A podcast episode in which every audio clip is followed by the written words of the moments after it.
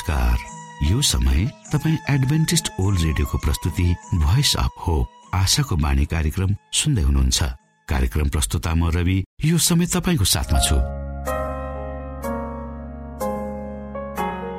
आशाको बाणी कार्यक्रम सुन्नको निमित्त पर्खेर बस्नुहुने समस्त प्यारा श्रोता वर्गमा हामी न्यानो अभिवादन व्यक्त गर्दछौँ। हाम्रा महान परमेश्वरको प्रेम यसो ख्रिस्टको अनुग्रह र पवित्र आत्माको अगुवाईका विषयमा साँचो र सही सन्देश प्रस्तुत गर्ने क्रममा हामी छौँ र श्रोता दैनिक तपाईँले यी अध्ययनहरूका विषयमा सुन्दै जाँदा मनन गर्दै जाँदा तपाईँको जीवनबाट पनि ख्रिस्टको उपस्थिति झल्किन सकेको होस्। क्रिससँगको संगतिमा तपाईँले आदित्य आशिषको अनुभूति गर्न सक्नु भएको होस् भन्ने शुभेच्छा सहित हामी हाम्रो कार्यक्रमलाई अगाडि बढाउने अनुमति चाहन्छौ। सधैँ सुरुमा हामी यो मधुर क्रिस्टीय भजन सुन्नेछौँ।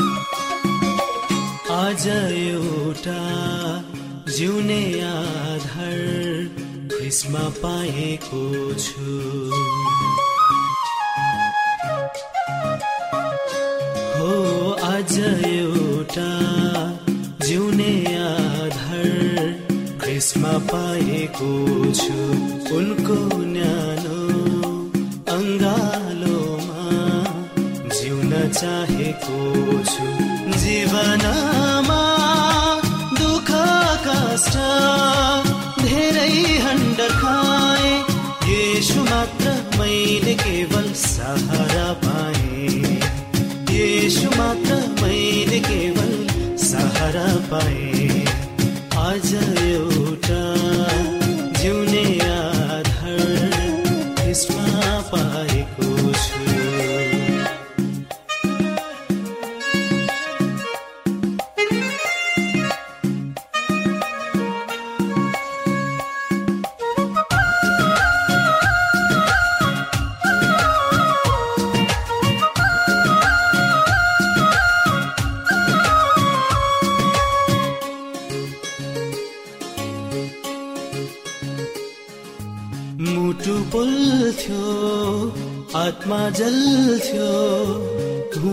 मनै हलचल।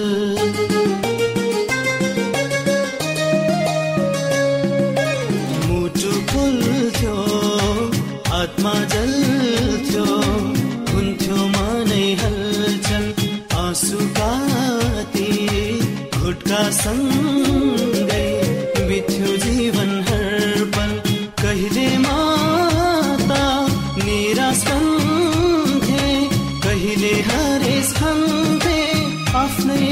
जीवन खोटो रहेछ भनी सदा ठान्थे आफ्नै जीवन खोटो रहेछ भनी सदा ठान्थे आज एउटा जिउने आधार क्रिस्मा पाएको छु।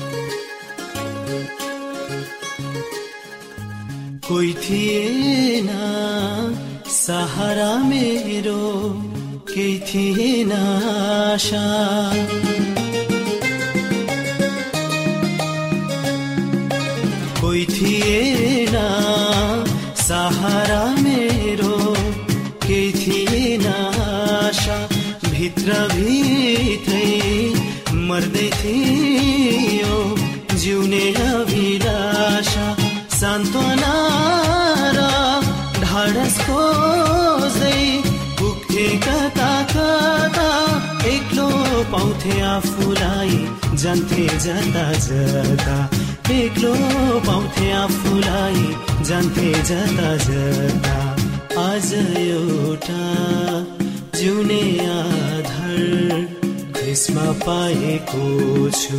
उनको न्यानो अङ्गालोमा जिउन चाहे। यो समय तपाईँ एडभेन्टिस्ट ओल्ड रेडियोको प्रस्तुति भोइस अफ होप आशाको बाणी कार्यक्रम सुन्दै हुनुहुन्छ। श्रोता मित्र यो समय हामी पास्टर उमेश पोखरेलबाट आजको बाइबल सन्देश सुन्नेछौ।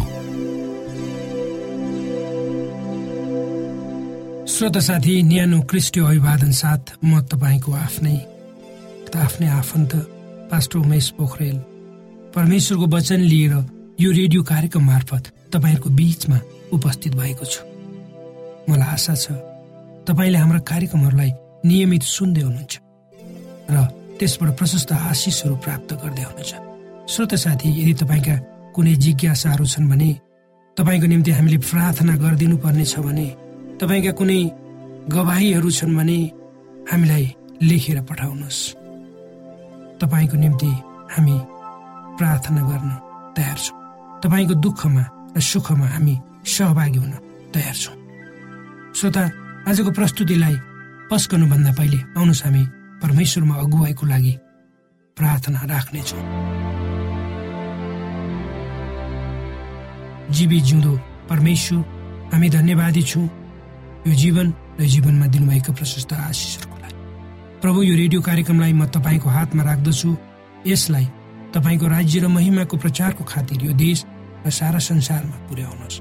ताकि धेरै मानिसहरूले तपाईँको ज्योतिलाई देख्न सकुन् चिन्न सकुन् र तपाईँको राज्यमा प्रवेश गर्न सकुन्।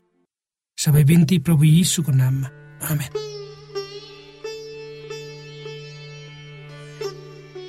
श्रोत साथी के परमेश्वर वास्तवमै हुनुहुन्छ? यदि हुनुहुन्छ भने तपाईँको जीवनमा उहाँले के गर्नुहुन्छ? यदि उहाँको उपस्थिति छैन भने तपाईँको जीवनमा त्यसले कस्तो असर पार्छ? यी प्रश्नहरू। आजका युगमा बाँचेका सबैको मनमा उब्जने प्रश्नहरू हुन्। जस्तो मलाई लाग्छ। आउनुहोस् यिनै प्रश्नहरूको सेरोफेरोमा हामी रहेर आजको प्रस्तुतिलाई हामी अगाडि बढाउनेछौँ।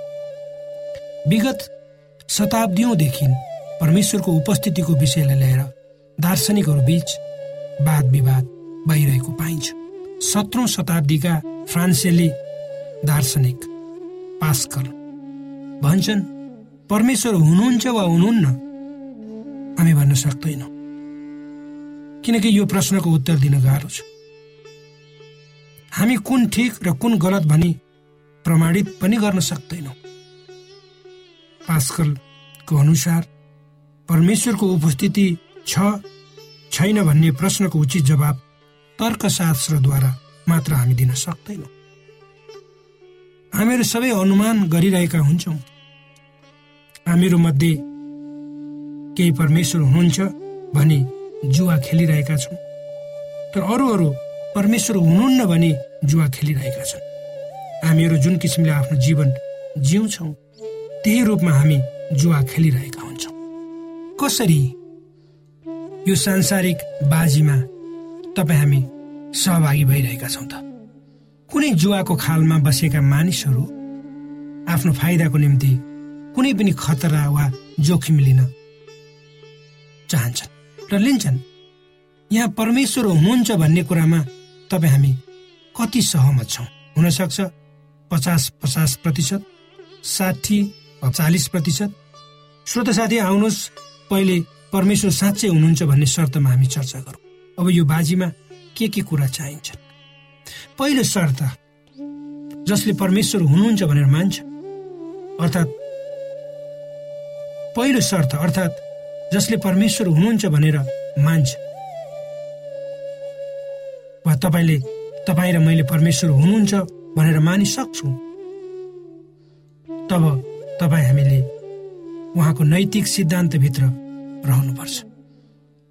जसरी पवित्र धर्मशास्त्रमा भनिएको छ आफूलाई झै आफ्ना छिमेकीलाई प्रेम गर।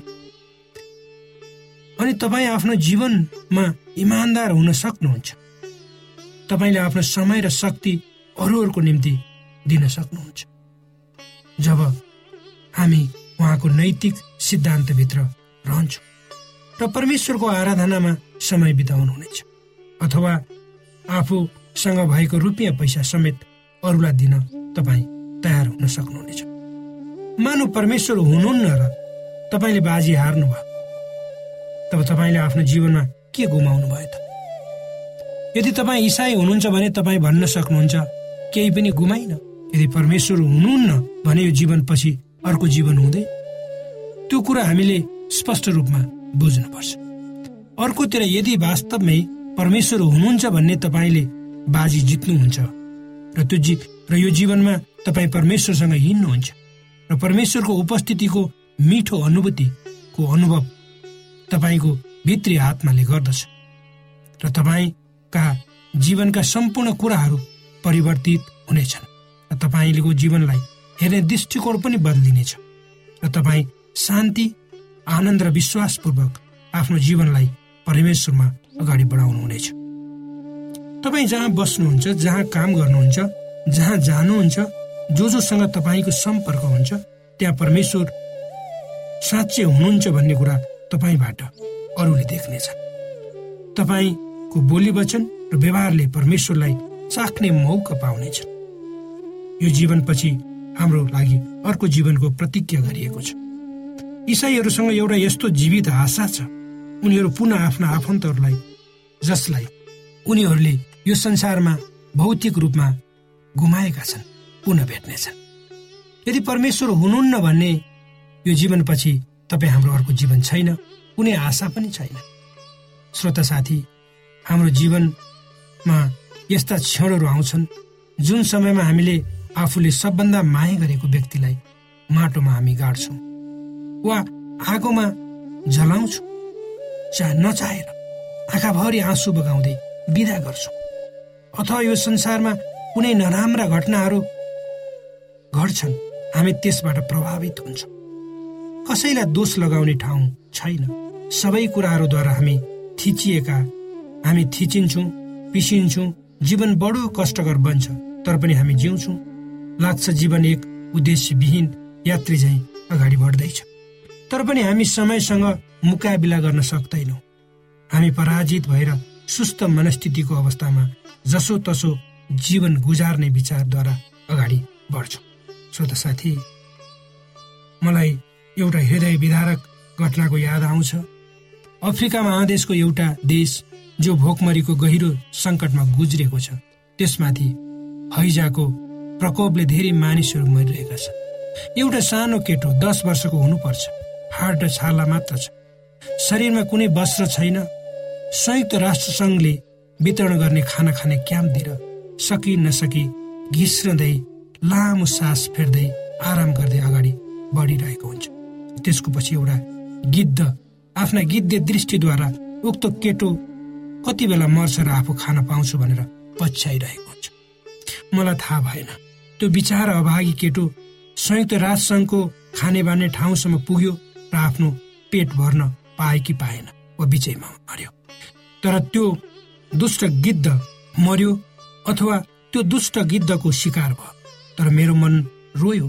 उक्त दृश्य देख्दा कस्तो अभागी त्यो बिचरा म सुत्न सकिन। त्यसलाई सम्झेर हुन त त्यो केटा जस्ता कैयौँ मानिसहरू आज जीवन र मृत्यु बीचमा छन्। बाँच्नको लागि सङ्घर्ष गरिरहेका छन्। जसो तसो अगाडि बढ्ने कोसिसमा छन् तर बाटैमा उनीहरू हराइरहेका छन्।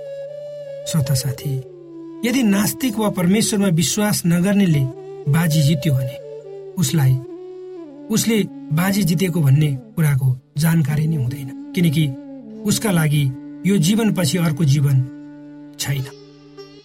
यदि उसले बाजी हार्यो भने उसले परमेश्वरले गर्नुभएका प्रतिज्ञा अनुसार अनन्तको जीवन गुमाउनेछ। श्रोत साथी परमेश्वरको उपस्थिति यो संसारमा छ। उहाँ तपाईँ हामीसँग हुनुहुन्छ। तपाईँ जस्तो सुकै अवस्था भएर गुज्रिनु भएको किन नहोस् उहाँ तपाईँलाई तपाईँका खातिर आफ्नो जीवन दैन तयार हुनुहुन्छ। परमेश्वर प्रेम हुनुहुन्छ। त्यही मानव जातिको निम्ति पोखिएको छ। यो संसारमा हामी एक परदेशी झै छौँ। हाम्रो यात्राको समय छोटो छ। हाम्रो स्थायी घर यो संसारमा होइन। यो त क्षणिकको लागि मात्र।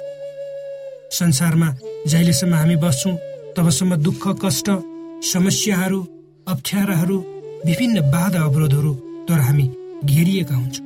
हामी थकित हताश वा निराश हुन्छौँ किनकि सैतानले तपाईँ हामीलाई विभिन्न रोग व्याध समस्या अप्ठ्यारा र उल्झनहरूद्वारा गाँजिरहेको हुन्छ।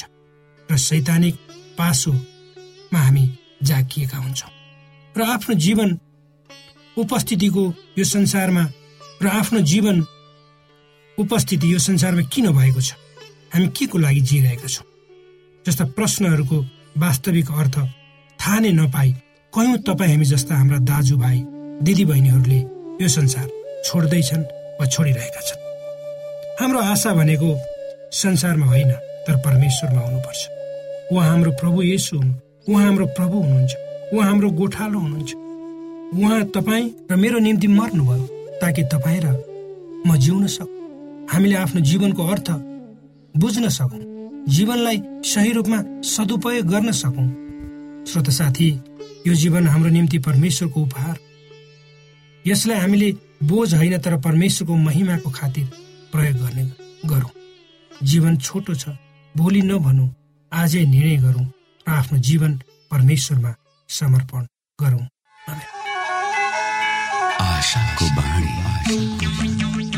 श्रोता भर्खरै यहाँले पास्टर उमेश पोखरेलबाट बाइबल वचन सुन्नुभयो। यो समय तपाईँ एडभेन्टिस्ट ओल्ड रेडियोको प्रस्तुति भोइस अफ होप आशाको बाणी कार्यक्रम सुन्दै हुनुहुन्छ। कार्यक्रम सुनेर बस्नुहुने सबै श्रोतालाई हामी हाम्रो कार्यक्रममा स्वागत गर्न चाहन्छौ। श्रोता मित्र यदि तपाईँ जीवनदेखि हरेस खानु भएको छ तपाईँका जीवनमा धेरै अनुत्तरित प्रश्नहरू छन् भने आउनुहोस् हामी तपाईँलाई परमेश्वरको ज्योतिमा डोहोर्याउन चाहन्छौँ। र तपाईँ आफ्नो जीवनका चिन्ता फिक्रीबाट निश्चिन्त हुनुहोस् र बाँच्नुको आनन्द परमेश्वरको सामिप्यमा कति मिठो हुन्छ त्यो चाख्नुहोस् भनी हामी चाहन्छौँ। श्रोता यदि तपाईँ आशाको बाणी कार्यक्रमलाई अनलाइन सुन्न चाहनुहुन्छ वा डाउनलोड गर्न चाहनुहुन्छ भने W W W dot AWR dot ओआरजीमा जानुहोस्। त्यहाँ तपाईँले प्रत्येक दिनको कार्यक्रम सुन्न र डाउनलोड गर्न सक्नुहुनेछ। हाम्रो वेब पेज यस प्रकार छ W W W dot AWR dot ORG श्रोता यदि तपाईँ हामीसित सिधै फोनमा सम्पर्क गर्न चाहनुहुन्छ भने हाम्रा नम्बरहरू यस प्रकार छन्। अन्ठानब्बे एकसाठी पचपन्न शून्य एक सय बिस अन्ठानब्बे एकसाठी पचपन्न शून्य एक सय बिस र अर्को अन्ठानब्बे अठार त्रिपन्न पन्चानब्बे पचपन्न. अन्ठानब्बे अठार त्रिपन्न पन्चानब्बे पचपन्न. श्रोत साथी न्यानो क्रिस्टी अभिवादन। म पास्टर उमेश पोखरेल। तपाईँहरूको बिचमा महान इसाई व्यक्तित्व अर्थर ज्याक्सनको विषयलाई लिएर म उपस्थित भएको छु।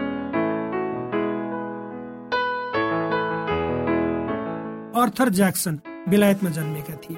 उनका पिता एक व्यापारी थिए। अर्थर एकदम असल इसाई संस्कारमा हुर्केका थिए। उनको परिवारमा यसु भक्तको जोस र जाँगर थियो। उनका पिता इसाई चर्चका एक खेमाका सक्रिय सदस्य थिए।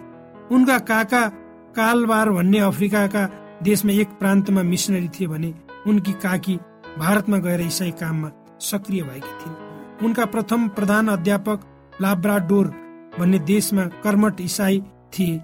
उनी मिसनरी हुन नै जन्मेका देखिन्थे। उनी सोह्र वर्षको कलिले उमेरमा प्रभुका कामको लागि चुनिएका हुन् भन्ने स्पष्ट अनुभवका साथ परमेश्वरको काम गरिरहेका थिए।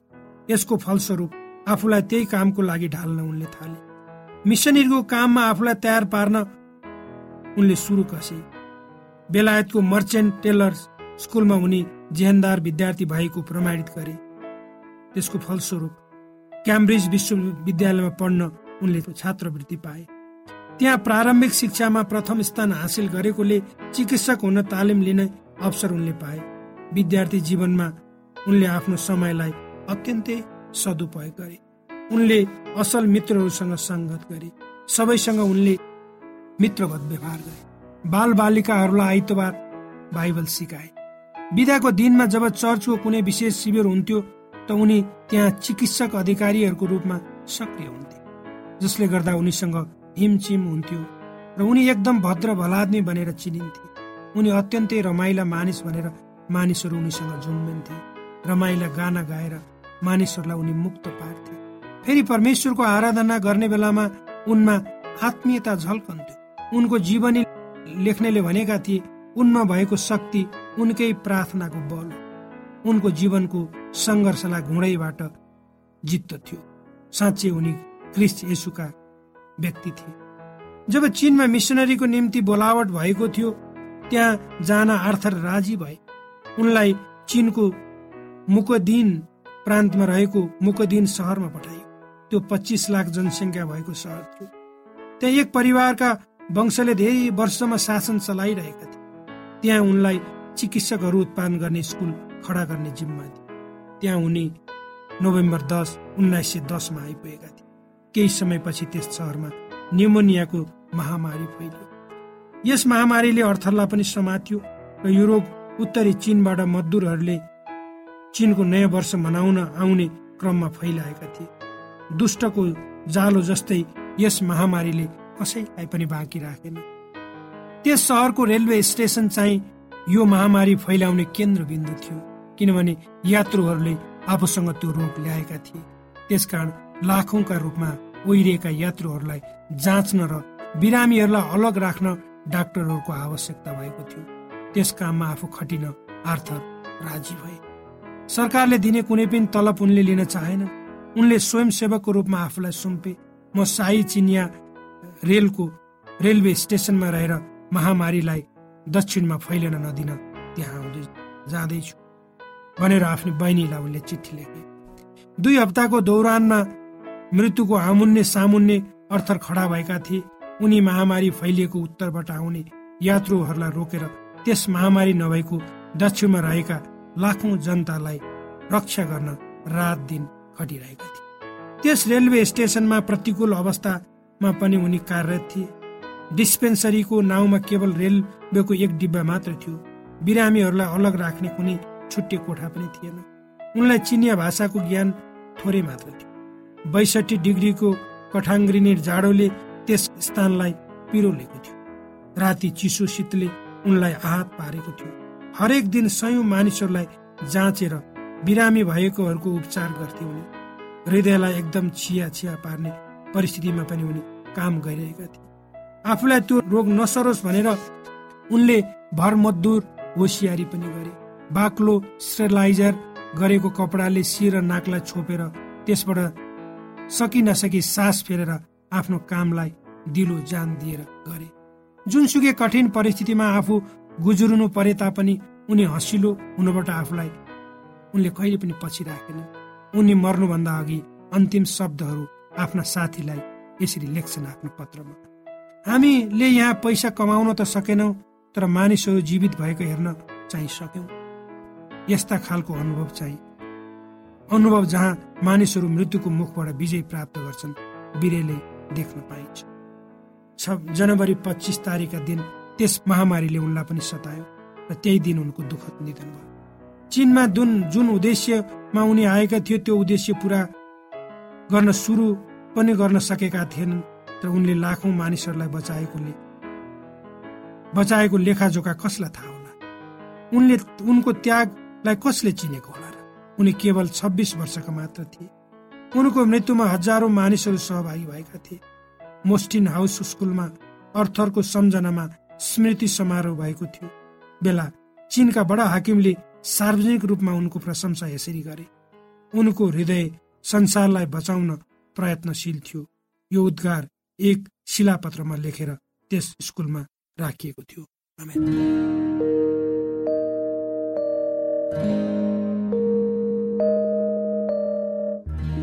आदरणीय मित्र बाइबलले बताएको छ परमेश्वरले तिर्खाकाहरूलाई तृप्त पार्नुहुन्छ र भोकालाई उत्तम पदार्थले सन्तुष्ट पार्नुहुन्छ। हामीलाई दिइएको यो छोटो समय आशाको बाणीको प्रस्तुतिको समयमा हामीले हाम्रा श्रोताको आत्मिक भोकलाई केही मात्रामा भए तापनि सही प्रकारको खोराक पस्केर आत्मिक सन्तुष्टि दिन सकेका छौँ केही ऊर्जा थप्न सकेका छौँ भनेर हामीले आशा राखेका छौँ। आफ्ना मनमा भएका केही दुविधा र शङ्काहरू छन् भने अवश्य हामीसँग बाँडेर शङ्काको निवारण गर्नुहुनेछ र सही प्रकारको बाटो पहिलाउन सक्नुहुनेछ परमेश्वरको सच्चाइले अझ राम्रो बुझ्न सक्नुहुनेछ र आफ्नो जीवनलाई परमेश्वरमा पूर्ण समर्पित भएर समर्पण सहितको जीवन बिताउन सक्नुहुनेछ भनेर आशा राख्दै अब हामी हाम्रो कार्यक्रम सकिएको जानकारी यहाँलाई गराउन चाहन्छौ। जानुभन्दा अगाडि श्रोता हामी यहाँलाई हाम्रो ठेगानाको विषयमा जानकारी गरौं। हामीसँग पत्राचार गर्ने हाम्रो ठेगाना यस प्रकार छ। आशाको बाणी पोस्ट बक्स नम्बर दुई शून्य शून्य शून्य दुई काठमाडौँ नेपाल। आशाको बाणी पोस्ट बक्स नम्बर दुई शून्य शून्य शून्य दुई काठमाडौँ नेपाल। यसै गरी श्रोता यदि तपाईँ हामीसँग सिधै कुराकानी गर्न चाहनुहुन्छ भने हाम्रो फोन नम्बर यस प्रकार छ। अन्ठानब्बे एकसाठी पचपन्न शून्य एक सय बिस र अर्को अन्ठानब्बे अठार त्रिपन्न पन्चानब्बे पचपन्न। यदि तपाईँ हामीलाई अनलाइन सुन्न चाहनुहुन्छ वा डाउनलोड गर्न चाहनुहुन्छ भने तपाईँ W W W dot AWR dot ओआरजीमा जानुहोस् र त्यहाँ तपाईँले हाम्रा सबै कार्यक्रमहरू सुन्न सक्नुहुनेछ। हाम्रो वेब पेज यस प्रकार छ W W W dot AWR dot ORG श्रोता यसमा गएर तपाईँले हाम्रा दैनिक कार्यक्रमलाई सुन्न सक्नुहुनेछ र डाउनलोड पनि गर्न सक्नुहुनेछ। हवस् त श्रोता हाम्रो कार्यक्रम सुनिदिनु भएकोमा एकचोटि फेरि यहाँलाई धन्यवाद दिँदै भोलि फेरि यही स्टेशन यही समयमा यहाँसँग भेट्ने आशा राख्दै प्राविधिक साथी राजेश र पास्टर उमेश पोखरेल र कार्यक्रम प्रस्तुता म रवि यहाँसँग विदा माग्दछौ। परमेश्वरले तपाईँलाई धेरै धेरै आशिष दिनु भएको होस्। नमस्कार।